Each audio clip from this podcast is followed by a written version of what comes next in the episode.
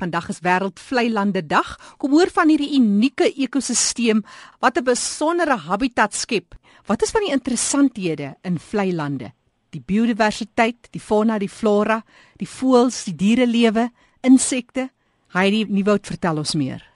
Ja, so boonbehalwe al die al die goedjies wat jy nou genoem het, is vlei lande uh, baie belangrike buffers. Dit beheer erosie, dit gee vir ons volgehoue stroomvloei en voedselsekuriteit en ook soos ons uh, riviermondings is ook 'n tipe vlei land en dit is baie baie belangrik vir vis om daar weer uh, voort te plant. Daar's 'n nuwe 'n woordjie wat wat in ons kringe loop en dit is ekologiese infrastruktuur. En vlei lande is deel van ons ekologiese infrastruktuur omdat dit hierdie gratis uh, ekodienste vir ons lewer. Vlei lande is vir my 'n baie interessante ekosisteem. En ons vlei lande is geklassifiseer as krities bedreig. Dis korrek ja, wat dit al hoe meer ehm um, oopmaak vir ons om dit beter te leer ken en te verstaan. Ek dink is een van die van die ekosisteme wat ons nie so goed verstaan as ou dit vergelyk met ander in in ons land nie. Dit sal ons help om dit beter te kan bestuur en om dit te kan hê vir die toekoms. Heidi, daar's baie faktore wat bydra tot hierdie vlei lande en die vernietiging daarvan. Wat sou jy uitsonder vanmiddag? Ek dink nou byvoorbeeld aan ontwikkeling. Ja, in die verlede het dink ek het ontwikkeling baie foute gemaak en ons het nie die nodige riglyne gehad om ons reg te lei nie. Dit het egter begin verander. Ons het nou baie baie streng riglyne en ook die nasionale omgewingswetgewing wat dan nou hierdie impakstudies uh, fasiliteer en seker maak dat, dat die korrekte studies gedoen word op vlei lande waar daar voorgestelde uh, ontwikkelings voorgelê word. Ons kyk ook na maniere om waar daar minimale of matige impakte uh, plaasvind dat 'n ou die nodige versagting um, kan implementeer om om te vermy dat, dat daar verdere skade of enige skade as sulks kan plaasvind. Die wetgewing is definitief is ons het goeie wetgewing. Die die riglyne is daar. Ons het ook baie verantwoordelike ekoloë in in die vlei land omgewing wat kyk dat die regte ontwikkelings plaasvind op die regte plekke. Dis Heidi Nieuwoud. Sy is van SANBI, die Suid-Afrikaanse Nasionale Biodiversiteitsinstituut, en sy werk meer spesifiek by die program Werk vir Vlei Lande. Sy is die provinsiale koördineerder vir die Wes en die Noord-Kaap. Vertel ons meer oor die tema van jaar. Uh wel hierdie jaar is die is die tema vir internasionale vlei landdag, uh vlei lande en landbou vennote in groei. So dit is die fokus vir ons vir die jaar en is eintlik heel gepas want ehm um, vlei lande en en landbou het eintlik 'n baie noue verhouding. Baie uh, boere gebruik vlei lande vir veiding en dit is ook baie vrugbare grond. So in die verlede is die vlei lande eintlik ongelukkig 'n bietjie te veel gedreineer. As 'n ou dink aan aan byvoorbeeld die die oosterse lande wat al hulle reis verbou binne in vlei lande en hier in Suid-Afrika gebruik baie boere ook vlei lande vir veiding, baie goeie veiding en ons kry ook baie goeie grond waarin uh, sekere produkte verbou word in vlei lande. Ongelukkig is dit altyd nie so volhoubare praktyk nie. Veral in die verlede het landbou ongelukkig uh, baie vlei lande gedreineer en en die gevolg is dat ons al omtrent so 50% van ons vlei lande in Suid-Afrika verloor het. Maar nietemin het dit aan die lig gekom en ek boere is baie meer ingelig en uh, vlei lande word al hoe meer volhoubaar benut tot die voordeel van ons omgewing. En dis juist waar julle inkom Heidi, die werk vir vlei lande projekte in die spanne want soos jy sê 'n paar jaar terug het vlei lande eintlik kwai deurgeloop onder um, nie so verantwoordelike boerderypraktyke nie. Maar ek dink byvoorbeeld aan iets soos 'n pad wat deur 'n vlei land gemaak word en dit is net stadig maar seker die einde van hy vlei land. Dit dis korrek. Ek ek sou dit nou nie sê dat dit uitsluitlik boerdery aktiwiteite nie. Daar's baie aktiwiteite wat tot die nadeel van vlei lande gelei het. En ja, jy is heeltemal reg. Baie kan een van die van die grootste impakte op 'n vlei land wees. Ehm um, dit versteur die ekologie van die stelsel totaal en al en dit lei in meeste gevalle tot tot grootskaalse erosie in die vlei lande. Nou baie suksesstories is al te vertel hier in Suid-Afrika. Japie Bakkel werk ook vir vlei lande daar in die Oos-Kaap meer spesifiek, maar ons fokus vandag op die Wes-Kaap en die Noord-Kaap. As jy nou een vlei land moes uitsonder, Heidi, wat sê jy vanmiddag met ons deel? Sjoe, dis nou vir my 'n moeilike vraag want hulle almal is so spesiaal. Ehm um, ek sou sê vir my in die Weskaap is die Palmiet uh, vlei lande die mees indrukwekkende uh, vlei landstelsels. Maar ou kan dit ook nie vergelyk met die met die kleiner vlei lande van die Noord-Kaap wat so klein soos wat hulle is, speel hulle so kritiese rol in in die die watertoevoer uit daai hooglande af na die laaglandgebiede in die ehm um, daar na Makwaland. Maar die krag van 'n van 'n palmiet en veenvlei land in hierdie Suid-Kaapse groot riviere is fenomenaal. Ehm um, ons sit met honderde hektare van hierdie vlei land wat nog relatief intak is en hulle speel 'n verskriklike belangrike rol in in die bekamping van vloede as as buffers om te help dat daai dat daai water bly waar dit moet bly dat dit nie vinnig afhardloop see toe nie en en vloedskade veroorsaak nie. Heidi, kom ons vat gou 'n trappie terug. Ons praat van 'n vlei land. In Engels word daarna verwys as 'n wetland. As jy dit nou moet vir iemand verduidelik wat nog nooit die uh, vlei land gesien het of ervaar het nie, wat nie weet waarvan ons praat nie, verduidelik net daai omgewing vir ons. Wel, die maklikste manier om seker te te bepaal of of dit 'n vlei land is, die waterwet sê basies is dis 'n uh, dis dis 'n area van land wat meer as 3 maande ehm um, nat is. So dan verander die plante groei 'n bietjie. Dis dis baie meer uh, baie groener, baie ryger. Jy sal sien daar's meer bissies, meer riete. Ehm um, jou grond het ook uh, 'n uh, heel ander kleur in in meeste gevalle. Is so baie meer uh, organies, ryk. Ehm um, dit kan dalk baie mense sê dit dit stink 'n bietjie.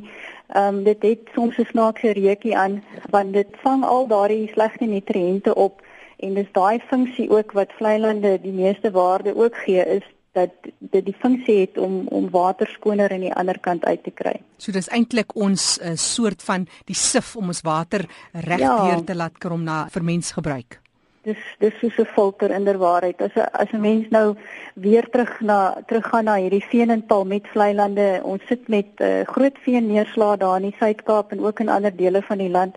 En daai veen is is baie ryk aan aan koolstof. En as jy dink aan 'n aan aan die filters wat ons gebruik op ons krane, is dit 'n koolstoffilters, daardie donker swart filters en dit is presies dieselfde funksie wat hierdie vlei lande ehm um, speel is om om daai koolstof filtreer die water en jy kry die skoner produk aan die ander kant uit. Nie verniet wat daarna verwys word as swart goud nie, nê? Inderdaad. Vertel ons wat is veen en groei dit in alle vlei lande? Jy praat spesifiek van die palmiet en jy praat van 'n veenvlei land. Is dit normaal dat 'n vlei land in elk geval veen produseer? Nee, nee, dit is nie. Dit is dit is iets wat oor 'n baie lang tydperk uh, plaasvind. Ehm um, en dit is 'n is 'n anaerobiese kondisie met ander woorde daar daar's geen fluktuering van van water op en af nie, is permanent. En dit is ook organiese materiaal wat oor 'n baie lang tydperk afbreek en en dan hierdie baie donker, diep, ryk grond grond skep. Baie van ons ehm um, vlei lande in Suid-Afrika het elemente van hierdie hierdie maar dit is dit kan nie geklassifiseer word as as veen as sulks nie dit moet daai sekere persentasie koolstof ook in hê. Ja, dis ook baie goed vir ons uh, plante nê, die veen. Dis reg ja. Heidi, party mense praat van morasse. Is dit dieselfde as 'n vlei land of is daar 'n verskil? Wel, 'n moras is eintlik maar 'n tipe vlei land. Ons kry baie verskillende tipe vlei land, vlei lande in in Suid-Afrika. Ehm um, dit hang af waar hulle gelees in die die die geografiese ligging van die vlei land. So kan ons byvoorbeeld valleibodem vlei lande kry. Gewoonlik in 'n in 'n vallei, ehm um, van hulle is gekanaliseer, van hulle is ongekanaliseer of ons kry vloedvlakte vlei land. Ons het nie vreeslik baie van hulle in Suid-Afrika nie, maar dalk 'n uh, 'n bekende voorbeeld is die Okavango ehm um, daardie vloedvlakte wat daar is, dit is 'n tipe vlei land. Miskien net om dan by te voeg ook daar, ons kry ook soos uh, syfervlei lande. Ehm um, ons sien hulle baie keer hier teen die teen die Kaapse hange uh, van die berge. Dis gewoonlik daai mooi diep donker nat kolle wat jy so teen die hange kry. Dit is water wat net deur syfer stadig en saggies en dit skep dan hierdie ehm um, kondisies vir vlei lande om te vorm. Dis Heidi Nieuwoud wat gesels hierin. Ekoforum vandag, sy is werk vir Vlei Lande program koördineerder en provinsiale koördineerder dis vir die Wes en die Noord-Kaap. Heidi, as 'n mens kyk na Vlei Lande en jy het vroeër verwys daarna van Suid-Afrika se Vlei Lande is eintlik al weg. en daar word baie rehabilitasie gedoen, maar daar is net 'n sekere persentasie wat nooit herwin kan word nie. Vertel ons meer oor die stand van vlei lande. Is dit 'n bedreigde omgewing? Hoe sou jy sê? Ja, ons het uh, of uh, die Suid-Afrikaanse Nasionale Biodiversiteitsinstituut het in 2012 'n uh, nasionale ruimtelike biodiversiteitsassessering gedoen vir vir alle ekosisteme in Suid-Afrika en dit is toe bevind uh, nadat hulle die assessering gedoen het dat vlei lande in Suid-Afrika die mees krities bedreigde ekosisteem is. En dit is maar grootendeels omdat daar bitter min om mee te begin van van hierdie tipe ekosisteme in ons land is en daar dan al alreeds on, ongeveer 50% van dit of in 'n baie baie swak toestand is of totaal en al verlore is vir vir ons land.